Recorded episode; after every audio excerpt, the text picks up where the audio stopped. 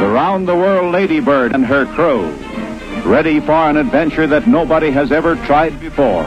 USA holder vejret, da Emilia Earhart igen begiver sig ud på en rekordlang flyvetur, denne gang på vej rundt om jorden. Then I ran into a storm, which was one of the most severe I have ever been in. Men hun styrter ned og er endnu ikke blevet fundet. Gertrude Bell knytter stærke bånd til de arabiske stammeledere under sine strapasserende og ikke ufarlige rejser i ørkensandet. Every step in the desert, life and fire claim me. Diane Fossey lever blandt vilde bjerggorillaer i Rwanda og bruger helt utraditionelle metoder for at komme tæt på de troede dyr. Now, I had to crawl around for two years, came to imitate their peaceful vocalization, their contentment vocalizations, mom, like this. Du lytter til Den Yderste Grænse. Jeg hedder Bjørn Harvi og har været formand for Eventyrenes Klub. I denne femte sæson skal vi på tur med de vildeste og mest fascinerende kvindelige opdagelsesrejsende. Kvinder, der på hver deres måde og mod alle odds ændrede verden.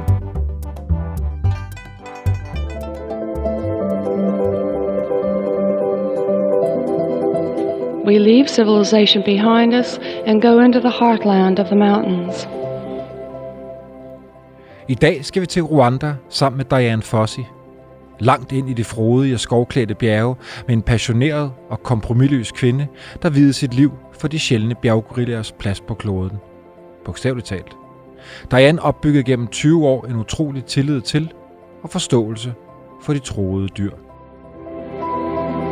Slowly, slowly, over the years, about a year and a half, all the animals of Group 4 were approaching very closely, simply because of their own initiative and the sense of curiosity.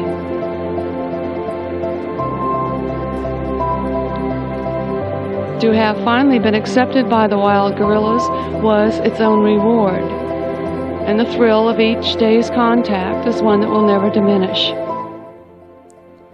Diane fik gjort verden opmærksom på, at gorillaerne var troede af krybskytter. Men til sidst gik det galt. Hun blev slået ihjel. Ikke af et dyr, men af et menneske. Hvad var det, Diane kæmpede for derude i regnskoven? Hvorfor fik hun skabt så mange modstandere? Blev hun til sidst skør? Det og meget mere vil jeg tale med dagens gæst om. Bengt Holst, velkommen til Den Yderste Grænse. Tak skal du have. Du er uddannet zoolog og har igennem 37 år været ansat i Zoologisk Have i København, hvor du blandt andet har været videnskabelig direktør. I dag er du formand for Dyreetisk Råd og for den Danske Naturfond. Ja, og så kender vi hinanden fra Eventyrenes Klub, hvor du også er medlem. Ja. Bengt, fortæl om Dianes opvækst. Jamen, Diane, hun er født i San Francisco i 1932, og øh, allerede som seksårig, så blev hendes forældre skilt, og så fik hun en stedfar, som var meget følelseskold. Og det vil sige, at han ville ikke have, at hun var med til middagen og sådan noget. Hun skulle sidde for sig selv. Så hun blev ikke, ikke rigtig taget til. Så i stedet for at slutte sig rigtigt til familien, så øh, øh, knyttede hun sig meget til dyrene. Hun var meget interesseret i alle former for dyr. Og øh, hun startede tidligt med at ride. Det fik hun heldigvis lov til. Og så senere, i, da hun så voksede op, så fik hun en uddannelse, som egentlig var sådan en meget traditionel uddannelse, og nok meget præget af stefaren, som mente, hun skulle have sådan en, der var penge i. Øhm, og det ville hun ikke så, så gerne. Så hun slap den økonomiske del og gik over på tog en ergoterapeutuddannelse. Og det var hun faktisk ret god til. Hun var god til at have med, specielt med børn at gøre. Og på det her studie, der havde hun specielt med autistiske børn at gøre. Og det er noget, der senere kom hende til gode. Det kan vi komme ind på lidt senere. Øh, men det var noget, der gav hende virkelig gode egenskaber.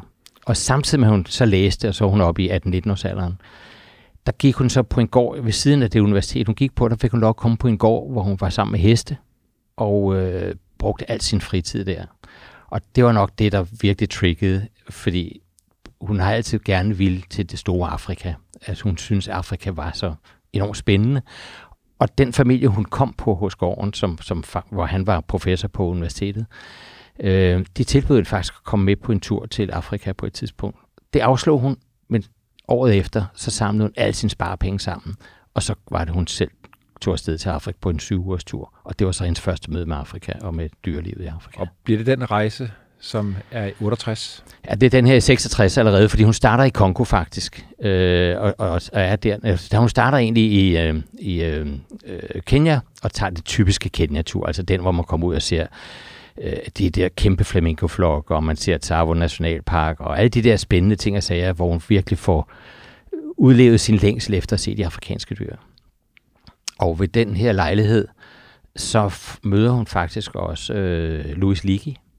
Og Louis Leakey, som er... Som bliver meget øh, vigtig, kan det, man sige, for det, hende. Ja, det gør han, fordi det, det er ham, der i sidste ende får hende afsted til den rigtige tur til Afrika, som så, så kommer to år senere.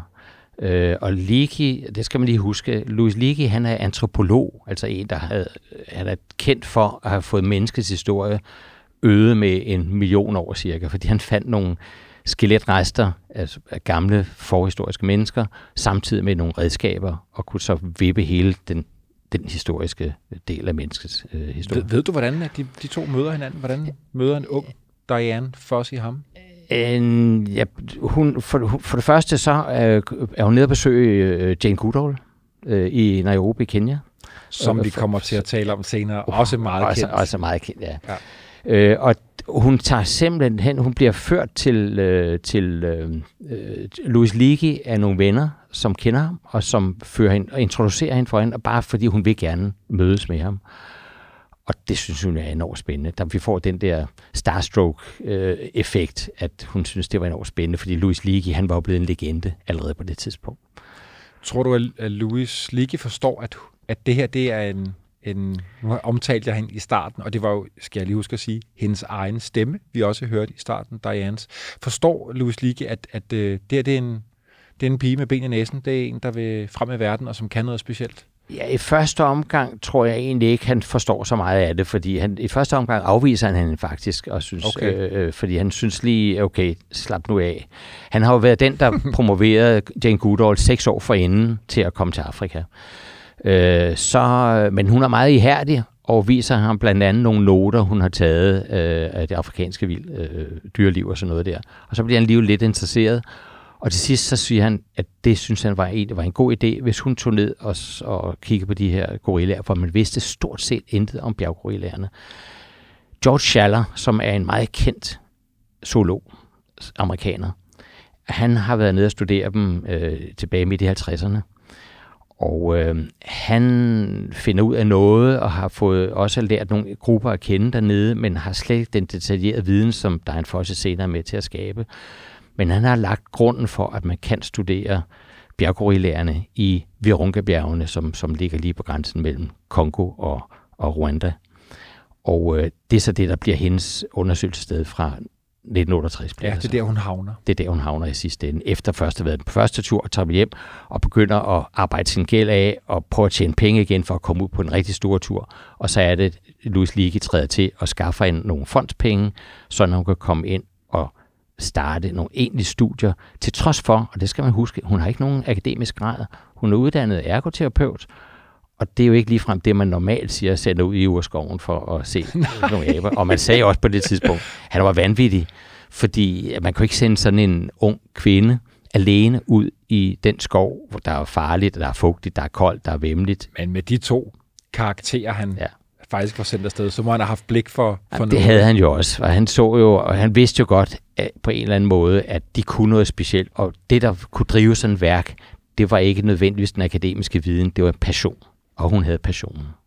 68, hun tager til Rwanda, hun tager ud i bjergene, hvor Louis Ligge mener, at der ville hun kunne kunne finde noget. Hvad, hvad, er, hvad, er, hvad er rammen for det? Hvad er planen? Hvad skal hun der? Ja, planen er egentlig ikke særlig stor. Jeg, man skal lige sige, hun starter jo så i Kongo, og der er hun så det første øh, lille års tid, øh, og så bliver hun, øh, der er en masse politisk ballade dernede på det tidspunkt, og oprørsstykkerne rykker frem og tilbage, og på et tidspunkt, mens hun kommer tilbage efter at have kigget på gorillaer, så sidder nogle soldater på den lejr, hun har slået op, og fører hende bort faktisk ned til øh, en landsby længere nede, og der holder de hende fange i 14 dage. Så lykkes det hende at og øh, hvad hedder det, de siger, at de vil bringe hende i sikkerhed, men det er jo altså bare for, at de vil ikke have hende sådan en fremme, en udlænding siddende deroppe i bjergene.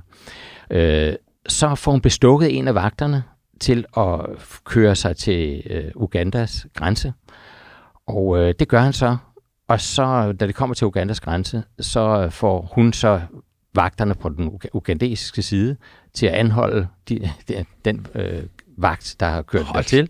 Ja. Så de er nu blevet fanget af Uganda, og der møder, og så flyver hun så videre til Nairobi derfra, møder Louis Ligi, og så bliver de enige om, til trods for uroligheden, og det synes jeg egentlig er ret stærkt, til trods for uroligheden, til trods for, at der er ved at udspille en masse kampe lige i de områder, så skal hun fortsætte studierne af bjerggorillaen i området, men ikke fra Kongo-siden, hvor der er rigtig meget urolighed, men fra Rwanda-siden. Og det er derfor, hun kommer til Rwanda, og det er derfor, hun starter sin, øh, sin nye lejr, som bliver den endelige lejr for, for hende, og det er den, hun virkelig får bygget alle sine studier op omkring på Rwanda-siden af Virunga-bjergene. Men men Bengt, altså en ung kvinde i, hvad er hun der, slut 20'erne, start 30'erne, sidder 14 dage fængslet ja. hos militærfolk altså, i, i, med i passion, kan, med man... passion kan man gøre rigtig mange ting. Det ved du også som eventyr. Ikke? Altså, det er, du kan du kan få så mange kræfter og ud i det igen. Og man skal også huske på, det var ikke kun de, den tid, hun sad nede i den der lille arrest, men i, hun levede oppe øh, 11 måneder alene oppe i bjergene, bare med en, en tracker, som hjalp hende selvfølgelig.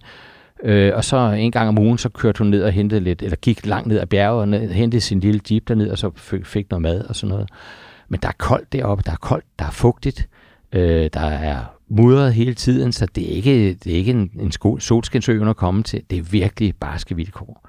Men igen, altså har du passionen, og vil du virkelig et eller andet, og det havde hun, så kan du også nå rigtig op. Hvordan øh, bor hun? Hun kommer hun kommer så frem, hvad det må være ja. 69? Ja, hun, nej, hun kommer i 68. Okay. I 68 så hun kommer hun så til det nye sted, og der er, i første omgang bliver hun ret skuffet, fordi deroppe, hun kommer op på bjerget, så ser hun, at der går kat, hvad der hedder, øh, kreaturer fra de lokale øh, landsbyer op i bjergen, og det er jo ikke lige det, hun havde ventet. Nu skulle hun op til de her gorillaer.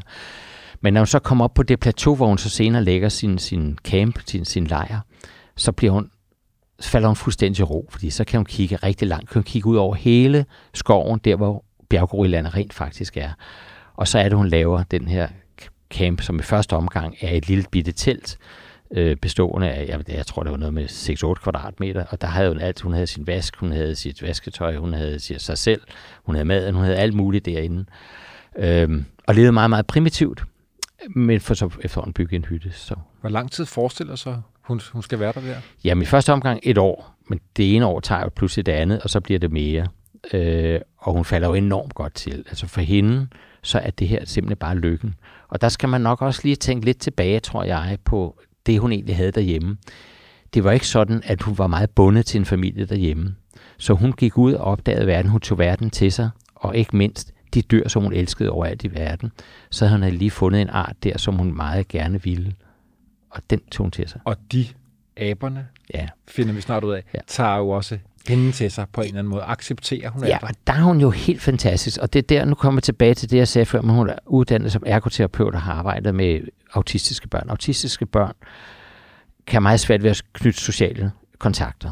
Og noget af det, man har fundet ud af, en af de måder, man kan hjælpe dem til at knytte en kontakt, det, det er bare at, hvad skal vi sige, lade som om, man egentlig opsøger kontakten, men man har bare giver børnene mulighed for at opsøge kontakten selv.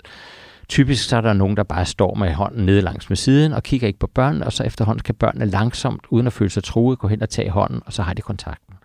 Det er jo nøjagtigt de samme metoder, øh, der er en Fossi brugt ude i bjergene. Hun fandt hurtigt ud af, at først og kun først, der løb gorillaen jo væk på 200-300 meters afstand, så hun kunne aldrig komme tæt nok på til virkelig at kunne studere dem. Så fandt hun ud af, at så i stedet for at opsøge dem, så lå hun dem opsøge hende, for de er jo nysgerrige. Altså bjerggorillaer, ligesom alle andre primater, de er jo nysgerrige. Så hun satte sig ud i det område, hun vidste, de var. Så satte hun sig bare ned og lavede ting og sager. Hun sad og plukkede planter og rev bladene af grenene og sådan noget. Og så kom aberne jo langsomt frem til hende, og så efterhånden lykkedes det hende at få dem helt frem på en 20-30 meters afstand, hvor de bare sad og kiggede på hende.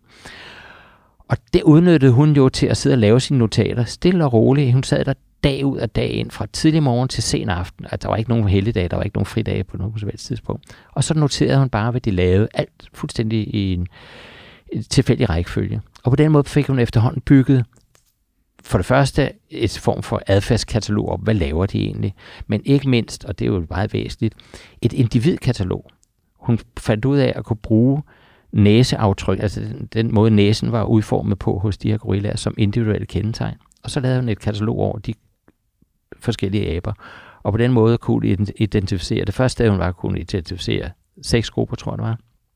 Og det andet sted her i Rwanda, der identificerede hun fire grupper, som hun så kunne kende fra hinanden. Og så, hvor, ma- hvor mange er de sådan gruppe? Jamen, det er, meget, det er meget forskelligt. Nogle af grupperne har været en 7, 8, 10 stykker, andre har været større, og nogle har været lidt mindre. Og så er der altså også noget hen ad vejen, at de har skiftet, dels på grund af slagsmål mellem de enkelte grupper, men også på grund af krybskytteri, som vi også lige kommer ind på lidt senere. Det, det her med, at hun, øh, hun begynder at dokumentere dem videnskabeligt, det, det her det er jo sket før, men, men det jeg forestiller mig, der er helt nyt, og som aldrig er sket før, det er, at de faktisk kommer helt tæt på hende. Ja, for det var det, hun gerne ville. Altså, for hun har jo været dybt fascineret af dem, og hun ville gerne have den helt tæt kontakt. For hende var det at komme i kontakt med dem, det var simpelthen det største, hun kunne opleve, fordi hun havde taget dem virkelig til sig, og elskede dem over alle, og for hende, der var det hendes familie.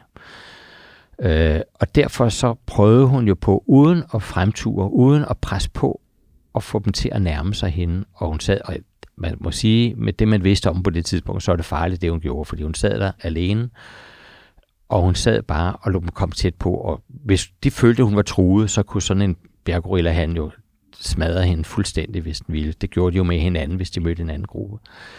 Men i og med, at hun sad og lavede ingenting, og så sad hun og og gjorde det eneste rigtige. Hun sad og gjorde ligesom dem. Hun sad og, og det har set sjovt ud, garanteret, kløede sig lidt, lidt i hovedet, og, og, og, og så uh, uh, og sådan lavede nogle lyde, som de, hun lærte sig af dem efterhånden, og sad og begyndte at tykke blade af de grene, hun kunne plukke, fuldstændig som de andre gør, og de gør det jo faktisk for at berolige hinanden. Så det gjorde hun også, og på den måde, så er aberne blevet beroliget ved hendes tilstedeværelse, og efterhånden nærmede det sig, og så på et tidspunkt, så lykkedes det hende faktisk at få en så tæt på, så det kan røre hinanden. Og det er næsten ligesom, jeg har altid set det selv som, som, som billedet, af Michelangelo har lavet af Gud, der rækker hånden ud livet til mennesket. Og hvor det lige rører Det lige rører hinanden med en finger, ikke? Ja. Altså, det er den kontakt, de har.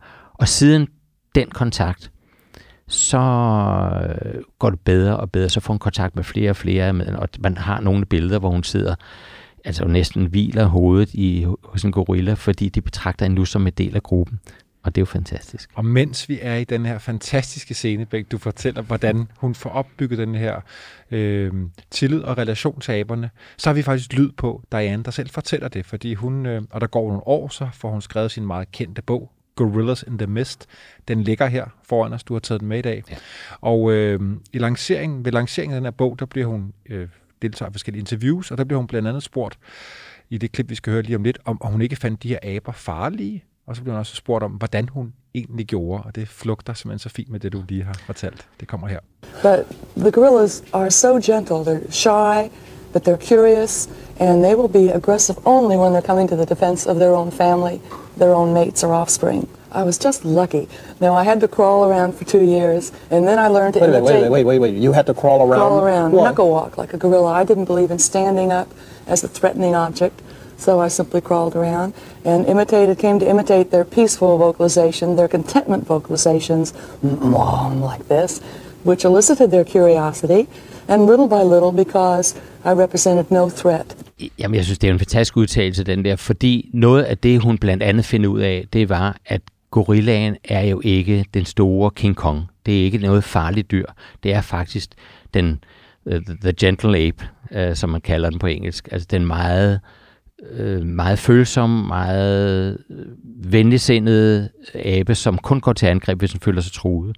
Og det var en helt anden måde at se på gorillaer på i det hele taget. Ikke kun bjerggorillaer, men gorillaer i det hele taget, end man havde det billede, man havde hidtil. Ja, og det interview, som hvis man hører det hele, så ja. bliver der også lagt meget vægt på dramaet, at du ikke var, bare, var du ikke bange, var, du ikke, ja, var det ikke farligt for dig, og netop King Kong bliver, ja. bliver nævnt. Øh, Bæk, vi skal introducere en anden meget vigtig karakter i Diane Fossis liv, og det er øh, Bob Campbell. Hvem ja. er han? Ja, Bob Campbell er en fotograf, der bliver sendt ud af National Geographic. Man skal lige sige, at National, Ge- National Ge- Geographic, det var jo dem, som blandt andet lagde penge til, men også sørgede for at få publiceret en del af det, der kom ud fra de her studier. Ikke kun for Diane Fossey, men også senere for, øh, eller også for Jane Goodall, der startede seks år forinden med chimpanserne. Så de har altså øh, virkelig lagt nogle kræfter i det her til. Men han blev sendt derud for at følge hendes studier og få nogle gode billeder af dem. Og i rigtig Diane Fossey-stil, så var hun ret irriteret over, at hun, at hun skulle trækkes med sådan en menneske, fordi hendes familie, det var de her sorte øh, bjerggorillaer, hun havde omkring sig, og der skulle ikke komme nogen andre at genere hende. Men han kom jo af, og, og efterhånden så fandt de ud af, fandt, og hun også ud af, at han kunne faktisk lave nogle rigtig gode billeder.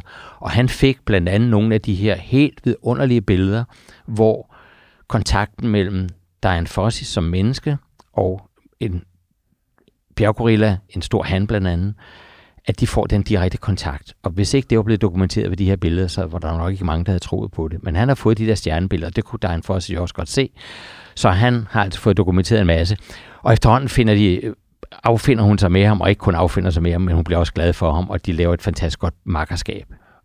Og så skal jeg bare lige en parentes nævne, han kommer jo derud og øh, så vidt jeg husker historien, så er han jo gift. Ja. Hans kone er rigtig glad for, at nu får hendes mand den her chance.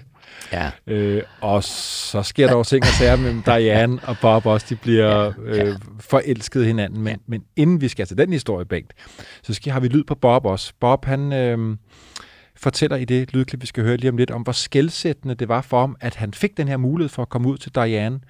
Og så beskriver han også øh, det første møde med denne her mystiske kvinde, der boede alene ude i bjergene. Det kommer her. The time I spent in the Virunga Mountains with Diane Fossey did in fact turn out to be the pinnacle of my career in many ways.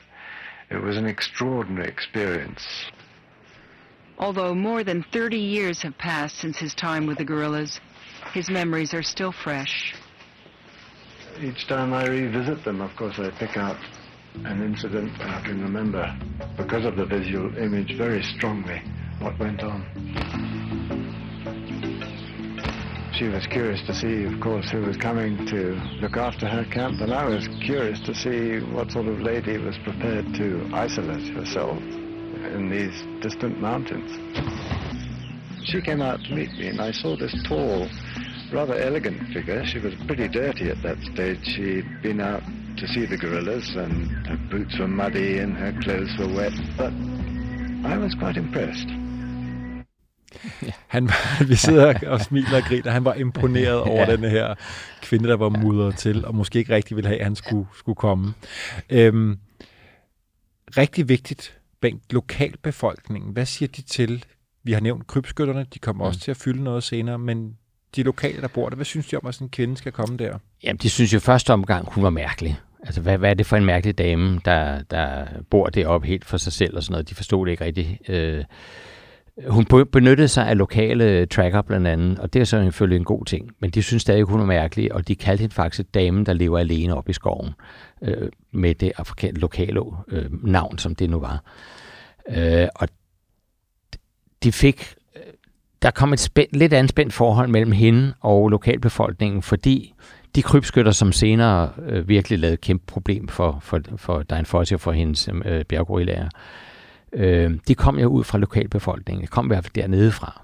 Og øh, det vil sige, at hun fik et anspændt forhold til dem dernede, og begyndte at bekæmpe dem på forskellige vis. Og det er ikke særlig godt. Og det sjove er jo egentlig, fordi der er en fossi, i modsætning til mange naturbevarelsesprojekter på det tidspunkt, der var det meget, at man sagde, vi fra Vesten, vi skal komme ned og lave naturbevarelse dernede, fordi man forstår det ikke selv nede i Afrika. Man har ikke infrastrukturen til det, men der er meget korruption, og lokalbefolkningen forstår sikkert ikke noget af de her ting. Der er en Fosse kom der ned med en anden indstilling. Hun mente, at man kunne kun lave en ordentlig naturbevarelse ved at lade det være konsolideret i lokalbefolkningen. Og det var hun helt ret i. Og det var hendes start på det, at hun ville gøre det på den måde. Derfor hyrede hun også lokale folk og sådan noget. Men hun kom så i det dilemma, da nogen fandt ud af, at nogen af lokalbefolkningen altså også var på den gale side, altså på derhen, og, og var krybskytter og prøvede at få jaget hende ud af området, fordi nu skal vi huske på, at selvom vi var på Rwanda-siden, så er vi stadig i Virunga-bjergene, så hvor der lige på den anden side af grænsen ind mod Kongo var en masse ballade. Øhm, og det, det, det trækker også sine sin, øh, spor ind i, øh, på Rwanda-siden, og så var der jo, der var jo både mineraler ind i de her skove, og øh, man var ikke så interesseret i, at hvis man nu fik beskyttet hele det her område på grund af nogle bjerggorillager, så havde man ikke adgang til de her områder længere, og det vil sige, at de mineralforekomster, der var, fik man ikke adgang til. Så der var pludselig store økonomiske interesser i de her ting. Og det vil sige, at der var nogle store finansfolk bagved lokalbefolkningen, der prøvede at gejle dem op imod den her dame, og faktisk gjorde en masse forsøg på at få hende væk fra, fra lejren deroppe. Øh, som, og det er imponerende, hun fik lov at blive der så længe. Og hun var stadig, øh, og hun, hun mod, hvad skal vi sige, hun, hun, hun øh, forsvarede sig mod alle de forsøg, der var på at få hende væk, og det lykkedes også, indtil altså, hun blev myrdet. Ja, men der går jo mange år. Der går mange år, for, for, og det, kommer der. ja, Bengt, hvornår kommer gennembruddet for, øh, for Diane, og måske også Diane og Bob og deres fælles arbejde i at få taget de her billeder, han skal ud og tage? Jamen, det kommer jo faktisk der, hvor, hvor, øh, hvor de bliver gode venner. Altså Jane, øh, Slurvold, øh, hvor Diane Fossey og Campbell bliver, bliver gode venner, fordi han får taget nogle fantastiske billeder. Og det er publiceringen af de her billeder i National Geographic, som bliver instrumental i den her proces. Det er, når de bliver produceret, hvor man pludselig ser et menneske, der er adopteret af en gorillaflok, som man aldrig havde troet muligt, og hvor man kun har King Kong i hovedet. Øh, der kommer gennembruddet, så er det, man begynder at se for det første, at gorillaerne er en helt anden type dyr, end man har regnet med, og for det andet, at man måske skulle poste noget mere interesse i, og måske også flere støttemidler i, i øh, de studier, der foregår i gorillaen derude, fordi det kan virkelig gøre noget. Det er forsiden af, af National det er Geographic. Geographic, ja, et Kan du, fantastisk for, billede. Ja, men kan det, du forklare, hvordan det ja. billede ser ud? Jamen det billede, det er jo der, hvor, hvor Diane Fossey, hun øh, har sit, et af sine allerførste møder med gorillaerne helt tæt på, hvor hun, ja man kan næsten se, at menneskeheden kigger ind i bjerggorilla-artens øjne og siger, fred, fred mellem os. Fordi det er det, det billede, det udstråler. Og det er det, Diane Fossey står for, at hun vil bare være en del af den der flok for at lære at forstå dem. Og tilsvarende er det også tydeligt, at aberne er ikke fjendtligt indstillet over for hende. De adopterer hende for at, for, man kan sige, for at forstå hende. Det er selvfølgelig en tolkning, jeg lægger i det. Men de er jo nysgerrige, og de ser hende ikke som nogen trussel. Altså kan de lige så godt indlemme hende i flokken, for på den måde at lære noget af hende, og, bare hygge sig på en eller anden vis. Ikke? Og så bliver hun jo kendt. Ja, og det er jo sjovt, fordi det er jo sådan en helt parallel historie til Jane Goodalls historie. Men fordi der kommer den der forside ud, så bliver øh, Diane Fossey kendt og begynder pludselig at få meget stor støtte hjemmefra. Øh, og mange vil gå ind og støtte hende. Og der må man sige, der har hun også meget... Øh, hvad skal vi sige, meget principfast, at hun vil kun modtage støtte fra dem, som har den samme indstilling, som hun har. Hun vil ikke modtage støtte fra nogen, som gerne vil ind i området, men egentlig gjorde det mest for egen vindings skyld. Og det var en masse, øh, det vi nok i dag vil kalde økoturisme. Hun var jo meget imod at lave turisme ud af, af, af de her bjerggorillaer. De skulle studeres, men de skulle holdes isoleret væk fra alt af, af mennesket som sådan. Øh, og hun var bange for, hun var bange, og det er jo reelt nok, hun var bange for, at de skulle blive syge, altså blive smittet af sygdom fra mennesker. Det havde hun set adskillige til, eksempler på, hvor øh, landsbyfolk havde øh, var kommet så tæt på, og så havde de altså overdraget noget smitte, øh, der er dødeligt for gorillaerne. Øh, der er noget polio og forskellige andre ting. Øhm, Hvad tænker du om det? Var det en, var jamen, det en jeg synes, det var, tilgang? det var en meget rigtig tilgang. Problemet er selvfølgelig bare, at øh, uanset om man synes om det eller ej, så bliver man nødt til at sige, at der skal penge til at køre sådan et kæmpe projekt, der hedder at beskytte øh, bjerggorillaerne i Virunga Nationalpark. Alene inden for hendes studieområde, det er 25 kvadratkilometer. Alene det at have patruljer, altså parkbetjente, der, der virkelig kan gøre noget ved det, der skal bruges rigtig mange penge, og de skal skaffes på en eller anden måde. Og hvis ikke man på en eller anden måde får nogle historier ud fra parken til folk, som vil skaffe pengene, eller måske at lave, at folkene kan komme til aberne, og opleve dem, og så skaffe penge den vej igennem. Og det er jo det, der sker i dag, at man får nogle, nogle øh, rejsebyråer til at lave ture derhen, så kommer man op i små grupper, hvor man kommer op, og det er svært at komme op på de her bjergskråninger. Øh, og så får man lov at se aberne, man kommer lov, får lov at komme tæt på, hvis man finder de der grupper. Og det er de tilvendede øh, bjerggorilla-grupper. Og på den måde får man altså genereret nogle penge, som så senere kan gå ind i parkforvaltningen, og dermed til beskyttelsen af bjerggorillaerne. Så det bliver man nødt til at indse. Men det var hun meget imod og derfor gik hun også meget imod dem, som gerne vil hjælpe hende, men på de betingelser. Så var der en anden, som vi har nævnt flere gange, og som jeg tror også havde en anden tilgang ja. end Diane på mange måder, også omkring det her med økoturismen. Jane Goodall, fortæl ja. om hende. Jamen Jane Goodall, hun er jo englænder, og øh, rigtig englænder, det kan man også høre, når hun taler.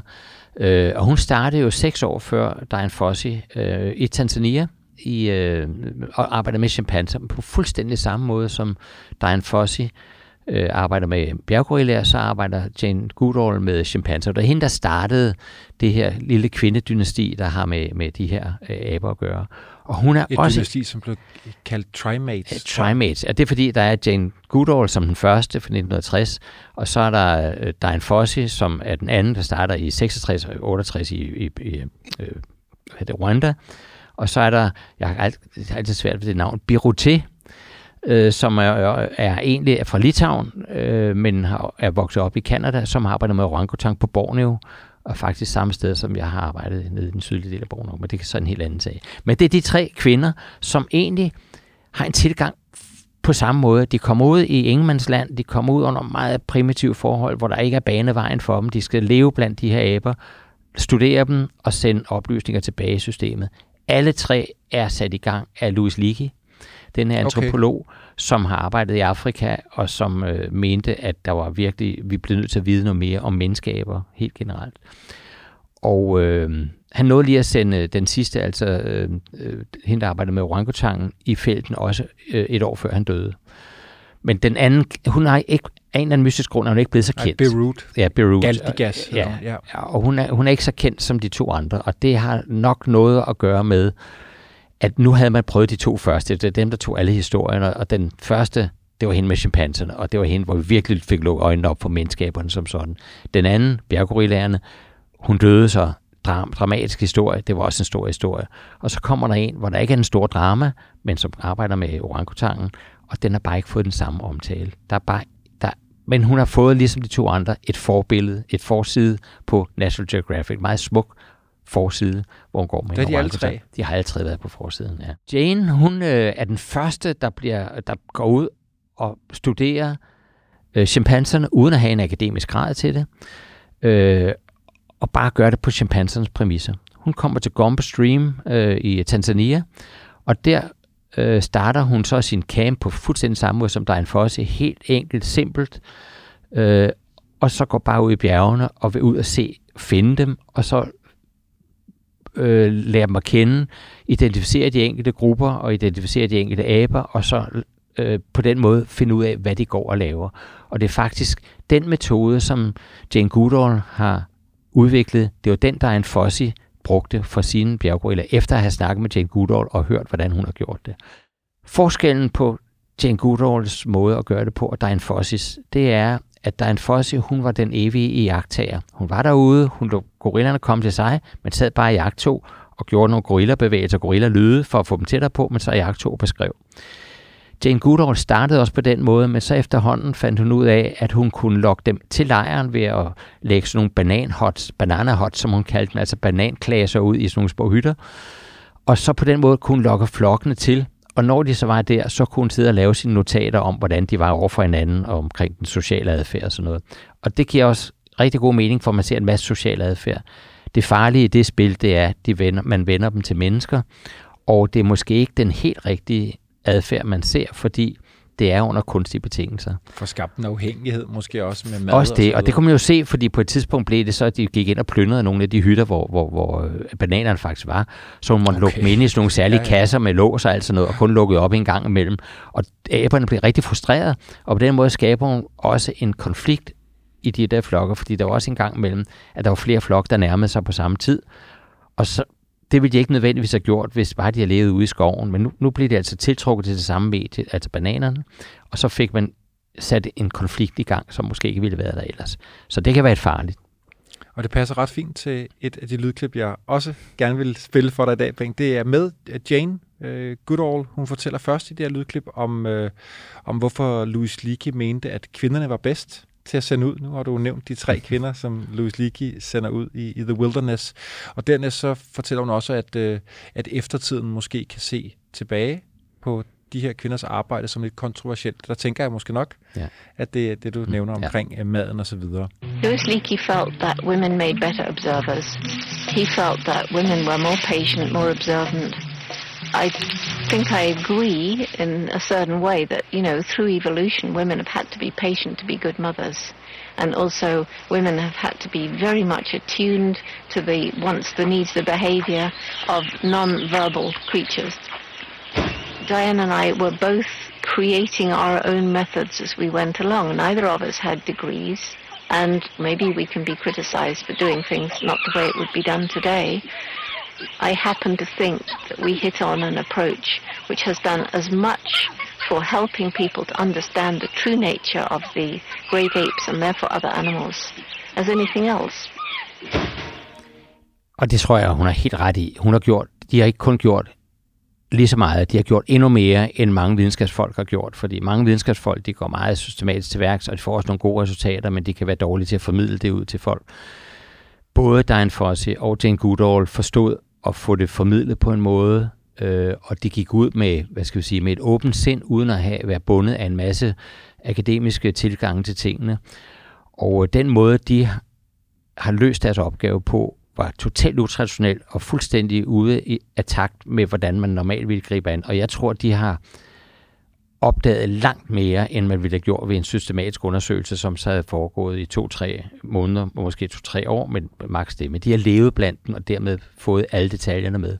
Og man huske på, at deres resultater for begge vedkommende, har de jo fundet ud af nogle helt exceptionelle ting, som man aldrig havde troet muligt, hvis jeg bare lige skal lave nogle ganske få Ja, ting af endelig. dem. Altså for det første fandt man ud af, hvor meget, hvad de egentlig spiste, hvor mange forskellige fødesorter de spiste, altså noget med 300-400 planterarter, som de spiste af. Og så fandt Jane Goodall jo ud af, at øh, i modsætning til, hvad man troede, at de var ikke rent, chimpanserne var ikke rent vegetarer. De tog faktisk også kød. De kunne tage fugleunger og den slags. Men faktisk kunne de også være aktive jæger. Man har set dem jage øh, bavianunger og markatte og fange dem i træerne og flå dem og spise dem. Og man har endda set, at de har været øh, kannibaler. Øh, man har set dem, og i dag er det jo, ved vi det jo, men dengang, der vidste man det ikke. De kan bruge redskaber. De kan ikke kun bruge redskaber, de kan også lave redskaber. Og det var jo ellers ret skilsættende, fordi på det tidspunkt definerede man jo en af forskellene mellem menneskeaberne og mennesket, er jo, mennesket bruger redskaber, det gør aberne ikke. Men der måtte man altså lige ændre på den tilgang, fordi man kunne godt. Kan du give et eksempel på, hvad det var for et redskab? Ja, det jo for eksempel, når de skal, øh, når de skal fiske termitter. Øh, der fandt Jane Goodall jo ud af, at øh, de gik hen til et termitbo, og så tog chimpanserne en gren, som de strippede for blade, og så stak de ned i hullet ned i termitboet, og så angriber termitterne jo den her gren, og, og der hænger de fast med kindbakkerne, altså der er store kæber, og så trækker chimpansen den her gren op med termitter på, og så, så suger de lige de der 5-6 store tykke termitter på, og så ned med grenen igen. Det er jo brugen af redskaber. Så er du mødt Goodall selv. Ja. Fortæl om det. Bæk. Ja, jamen det er fordi, jeg var til en konference for det er mange år siden, og jeg mødte og for mig var hun det store forbillede.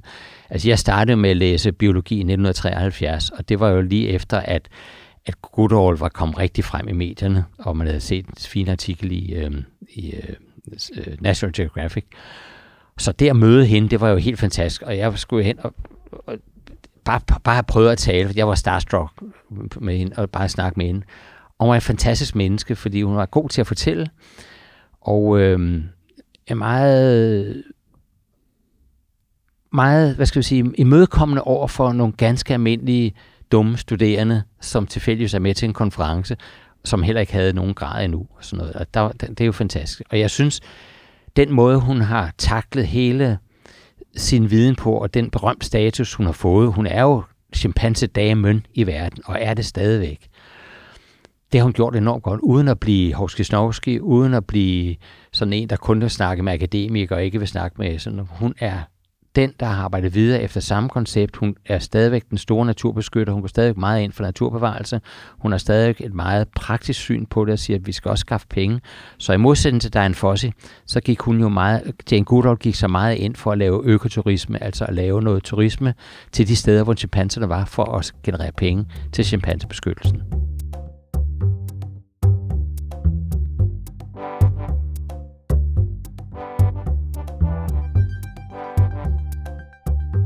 Der, øh, der er en, øh, en af de historier, jeg husker, at, at hun kommer til at skulle halvt passe på at adoptere to unge aber. De flytter nærmest ind hos hende. Ja. Det er to øh, aber, der skal afleveres til en zoologisk have ja. et andet sted i Europa. Ja, det er Køln Zoo, det er i 78, 1978. Og der har hun altså været der i 10 år.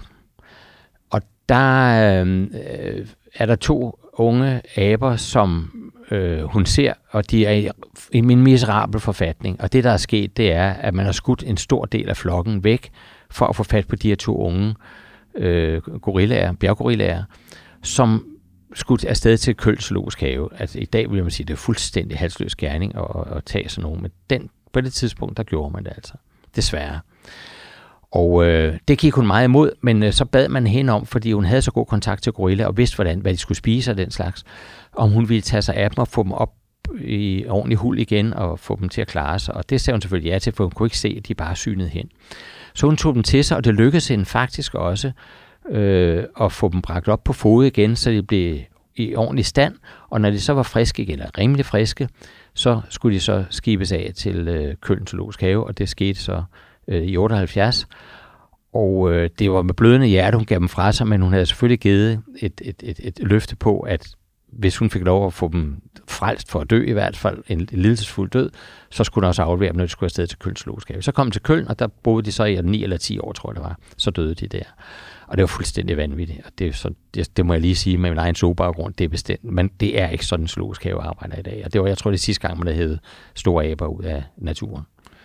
Og hun er, inden de her to ja. dyr bliver, øh, aber bliver afleveret, begynder hun jo sit, eller ja. er jo godt i gang med sit, hvad kan vi kalde det, politiske, aktivistiske arbejde. Prøv at gøre verden opmærksom på, at øh, ja. verden er, der foregår. For, fordi hun har jo allerede i året før, der sker der det, at hun har en yndlingsabe i, en af de flokke, hun har med at gøre. Den hedder Digit. Og Digit er jo en fantastisk menneskeabe, som øh, havde var førerpositionen i flokken. Og øh, den var meget karakteristisk. Den havde jo en, en, en, et fantastisk udseende. Altså, den havde en underlig næse, sådan rigtig, sådan, nærmest en boksertud, en flad boksertud. Og så manglede den altså den ene finger, og derfor kaldte hun digit, altså finger.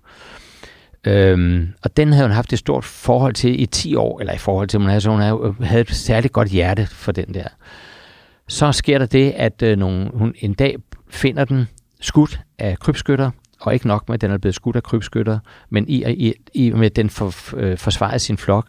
Men efterfølgende har krybskytterne altså taget hugget hovedet af den, og begge hænder hugget af den, for at sælge den som souvenir på det lokale marked, øh, fordi det var sådan noget, man kunne sælge hænderne som askebæger, og hovedet en form for, jamen det var et klinod af en eller anden slags. Og det gør han så rasende, Dels fordi man overhovedet kan gøre det mod en bjerggorilla, men det er så også mod hendes yndlingsbjerggorilla. Så allerede der, så går hun hen og bliver meget aktivistisk. Og øh, hun siger det selv, at for det øjeblik, så går hun hen og bliver det, hun kalder øh, aktivist, konservationist, altså aktivist, naturbevarer, sådan en, der ikke kun laver naturbevarelse passivt eller passer på tingene, men også aktivt går ud og bekæmper dem, der vil ødelægge noget i naturen. Ja.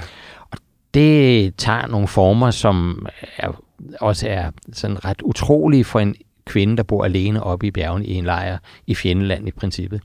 Hun begynder at bekæmpe lokalbefolkningen, hun begynder at bekæmpe krybskytter. For det første er de ude at fjerne en masse snare, fordi et af problemerne det er, at de sætter snare op, ikke nødvendigvis for bjerggorillerne, men for at få antiloper og den slags, men bjerggorillerne går også i dem, og der er mange bjerggoriller, der er gået til på den konto.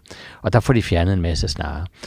Øh, men så går hun også direkte i, clinch med krybskytterne og øh, ødelægger deres lejre, øh, brænder deres hytter af, og hun har endda gået så langt som til at øh, hvad skal jeg sige, øh, kidnappe et af børnene til en krybskytte, øh, som hun så holder fange Hold i op. nogle dage, for bare at markere over for dem, de skal altså ikke tage hendes bjerggorillaer.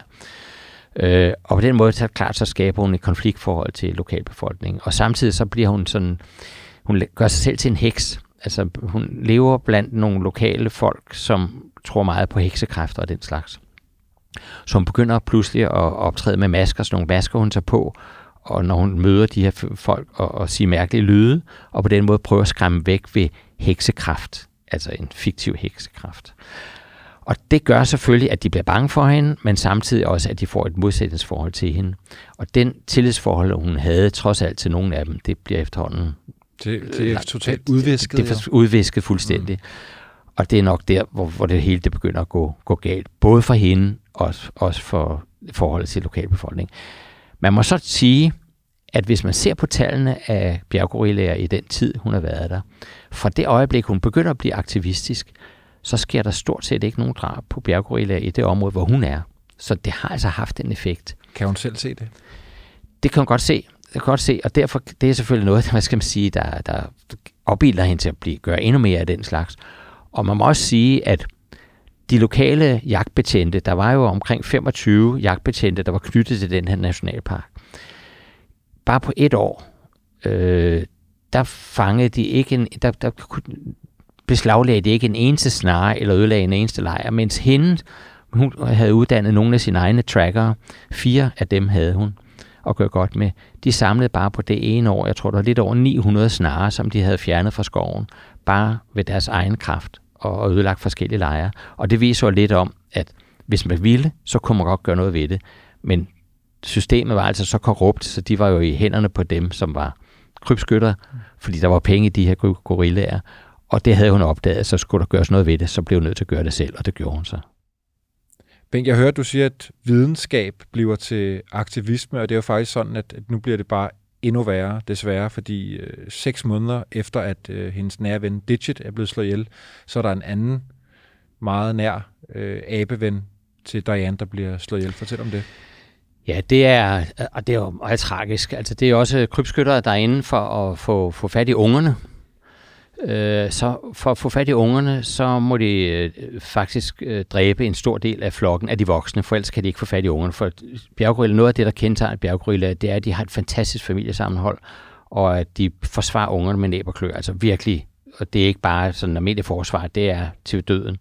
Og det var det så også i det her tilfælde. Onkel Bert, som var en af, af øh, Diane Fossis anden yndlings øh, bjerggorillaer, og som man også har kendt i rigtig lang tid, han forsvarede sin flok, og han gjorde det, og han øh, til trods for, at han havde fået, jeg tror det var tre eller fire spyd øh, igennem, eller i hvert fald i kroppen, så kæmpede han stadig mod dem, og han, det lykkedes ham også at få reddet ungerne, men, men på, ved den lejlighed, der blev der også flere af de andre voksne gorillaer i flokken, der døde. Øh, og det harmede selvfølgelig Diane Fossey rigtig meget, og det var ikke ligefrem noget, der, der gavnede situationen, hverken for hende eller for bjerggorillaerne, må man også sige, fordi den modsætningsforhold, hun kom til over for lokalbefolkningen, det kunne man ikke, altså det, det, det ødelagde en masse af det, hun ellers kunne have gjort godt i, i det her område. Bob øh, rejser hjem, eller ja, er rejst ja. hjem på det her tidspunkt. Øh, ja, hun bliver, hun bliver samtidig, hun bliver samtidig meget skuffet, eller meget ked af det, fordi Bob, som hun er blevet forelsket i, og de, er blevet forelsket, og de har jo indledt et forhold, Øh, han, han rejser sig hjem til sin kone, og øh, vil ikke, vil ikke øh, forlade sin kone. Som han stadig er sammen med. Som han stadig, du ja, ja, jamen, det er rigtigt, jamen, det er rigtigt, og de er stadig sammen i den dag i dag. Det er utroligt. Så han ville altså ikke, og det gør meget ondt på Diane Fossey, og det kan man også godt forstå. Øh, og så hun begynder at, du begynder at drikke, øh, og hun begynder at blive sådan lidt mere vild i sin tilgang til, øh, nærmest, nærmest som at sige, okay, hvis menneske ikke vil mig, så vil gorillaerne mig i hvert fald. Så ja, hun har jo mistet sin familie, altså ja, på, på det er, både hun på har mistet, men også mange ja, af hun dyrene. har mistet, ja, netop. Og så knytter hun sig til resten af familien, og det vil sige, nu er der i hvert fald ikke nogen, der skal gøre noget ved hendes dyr længere. Og det er også der, hun så får startet sin, sin, sin egne små anti-poaching patruljer med sin, sin meget lille stab øh, hvor hun kan udføre nogle af de her ting. Så går der næsten 10 år. Hun er også øh, hjemme i USA. Hun skriver på sin bog, som vi har snakket ja. om, Gorillas in the Mist. Ja. Som kommer så, i 1983. 83, ja. Og så bliver hun slået ihjel i 1985. 85. Ja. Øh, jeg har fundet et, jeg skal lige næsten advare, men ma- ma- meget stærkt øh, frygteligt interview med hendes øh, research assistant, en fyr, der hed øh, Wayne Maguire, som i det lydklip, vi skal høre nu, fortæller om, at han finder Diane slået ihjel. I went back to my cabin and I went to sleep and uh, the next thing I know it was about six in the morning and uh, somewhere around sunrise when I heard uh, uh, the tracker, Neme, and a few others waking me up and saying in Swahili that Diane Fossey was dead. And, and I said, what? You know, and I said, come, come with me now, come immediately. And uh, I followed them down to her house. And as we approached, you could see that the, the whole metal hut on the side was bent and torn over and everything. And when I went into the place, the first thing I noticed was that literally everything in the house was destroyed. I mean, it looked like somebody was going through the entire house looking for something. And all the drawers were pulled out, uh, papers thrown everywhere, suitcases undone, chests that had things in it were all ripped out. Everything was a total shambles. And uh, I went into her bedroom, and uh, the mattress was kind of tilted, and her drawers were all ripped open, and I saw her gun hanging out of one of them, and bottle of whiskey and another one. And then I saw her uh, lying next to the bed, and as I got closer and I looked at her face, I could see this large gash in her face. Uh, uh, and of course, um, um, uh, next to her body was this uh, panga or the machete that you frequently see the trackers with, um, um, next to her with blood on it. And her face was just, uh, literally, her face was split open. Hvem slog hende ihjel? Det er et godt spørgsmål. Det er faktisk aldrig rigtig blevet opklaret. Øh, der er en, der er blevet dømt for det, og det er så øh, første omgang, havde man taget fat i en af hendes trackere, øh, som blev lagt, øh, sat i fængsel, og så man inden før han kom for en domstol, så fandt man ham hængt i cellen, og man sagde, at det var selvmord. Øh, det er nok tvivlsomt. Altså, det er nok mere spørgsmål, han har vidst nogle ting, eller kunne sige nogle ting, som der er nogen, der gerne vil af med ham, og så er han blevet hængt i sin celle. Senere blev uh, Wayne Maguire, altså hans, hendes research assistant, ja, ham vi lige hørt ham vi lige hørt på, han blev faktisk anklaget for mordet, fordi der havde, havde været nogle kontroverser mellem ham og hende, og så man skulle have en eller anden at hænge mordet op på. Og han blev dømt, han blev faktisk dømt til døden in absentia. Øh, dømt til døden ved skydning, som det så smukt hedder i dommen. øh, og det er jo lidt barsk. Men heldigvis var det lykket, at fra den amerikanske ambassade advarede ham for inden. Man havde godt hørt, at han ville øh, blive anklaget for det der, og sagde, nu skal du se at komme ud af landet. Og han stikker sig af, og når at komme til USA, og så bliver han altså dømt in absentia, og er stadig sådan, han kan, ikke, han kan ikke vende tilbage til Rwanda. Men hun har skabt sig nogle fjender, der ja. ønsker at ja, det har hun. slå hende ihjel. Og Hvem det, tror du, det er? Jeg tror, det er mere politisk bestemt, fordi der er helt klart, øh, altså der er nogle mange mærkelige ting ved det her mor. Øh, hele hytten er gennemsøgt, så man har let efter et land, men man har ikke taget nogen af de ting, der er værdifulde. Altså man har ikke taget våben, man har ikke taget ammunition, man har ikke taget penge, men hele hytten er blevet gennemsøgt. Og det vil sige, jeg tror nok snarere, man har været på udkig efter noget dokumentationsmateriale, fordi hun var jo i gang med at kortlægge alt det, der skete med krybskytteriet og sådan noget. Og en af teorierne går også på, at øh, hun var ved at kunne afsløre en, der lå meget højt op i det politiske system, der var involveret i det her som bagmand. Og det var på det tidspunkt en øh, sviger, svigersøn til præsidenten, der var under anklage på det tidspunkt. Og øh, hvis det var rigtigt, så kan det være, at han har fået iværksat et, et mor på hende for at få hende gjort tavs, og det lykkedes så, så desværre. Øh, og så er det der, den står i dag, og længere den ikke komme. Forstod verden først vigtigheden i hendes arbejde, efter hun blev slået ihjel? For alvor. Man fik en lille snært af det, da den kom i National Geographic, men først for alvor tror jeg, man har forstået det efterfølgende for at se for det første, hvor, hvor meget korruption der er i det her område, og hvor, hvor, hvor meget stor fare de her bjerggorillaer er for at forsvinde, hvis det er hvis der er så meget korruption omkring, og hvis der er så mange inter- økonomiske interesser i det her område. Så det her, der må man sige, at døden har haft det til følge, at man har fået opmærksom på det. Man har fået lavet et ordentligt sikkerhedsnet omkring Virunga Nationalpark, som er forudsætning for, det, for at bjergkorridoren kan bevares. Og i dag er det faktisk sådan, at gorillabestanden bestanden af bjerggorilla er gået kraftigt op, siden der en har været der, og siden hendes død, øh, på grund af bedre øh, beskyttelsesforanstaltninger. Og i Virunga Nationalpark er der i dag lidt over 600 bjerggorillaer, og det er det tredobbelt af, hvad der var på det tidspunkt, hvor det var længst nede. Og så er der en Bwindi Nationalpark i, i Uganda, hvor de sidste 400 er. Så i dag er bestanden på omkring 1000, efter at have været helt i bund og været udsat for en masse ting omkring øh, den tid, hvor, hvor, hvor der skete folkemord i Rwanda, og hvor bjerggorillaen også blev involveret, fordi der var en masse flygtninge, der gik op i de her områder, og så har man konkurreret om pladsen og føden, og på den måde gik det rigtig skidt for dem på det tidspunkt. Men i dag må man sige, at bestanden er på vej frem, på grund af de foranstaltninger, som Dian Fosse gjorde for at beskytte gorillaerne.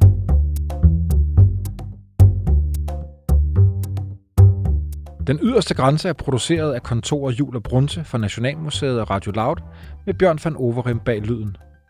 En særlig tak til Ben Jensen og Arktisk Institut, De Kvindelige Eventyrernes Klub, David Hoffman, Discovery Channel og National Geographic. Find serien på vorestid.dk eller der, hvor du normalt finder dine podcasts.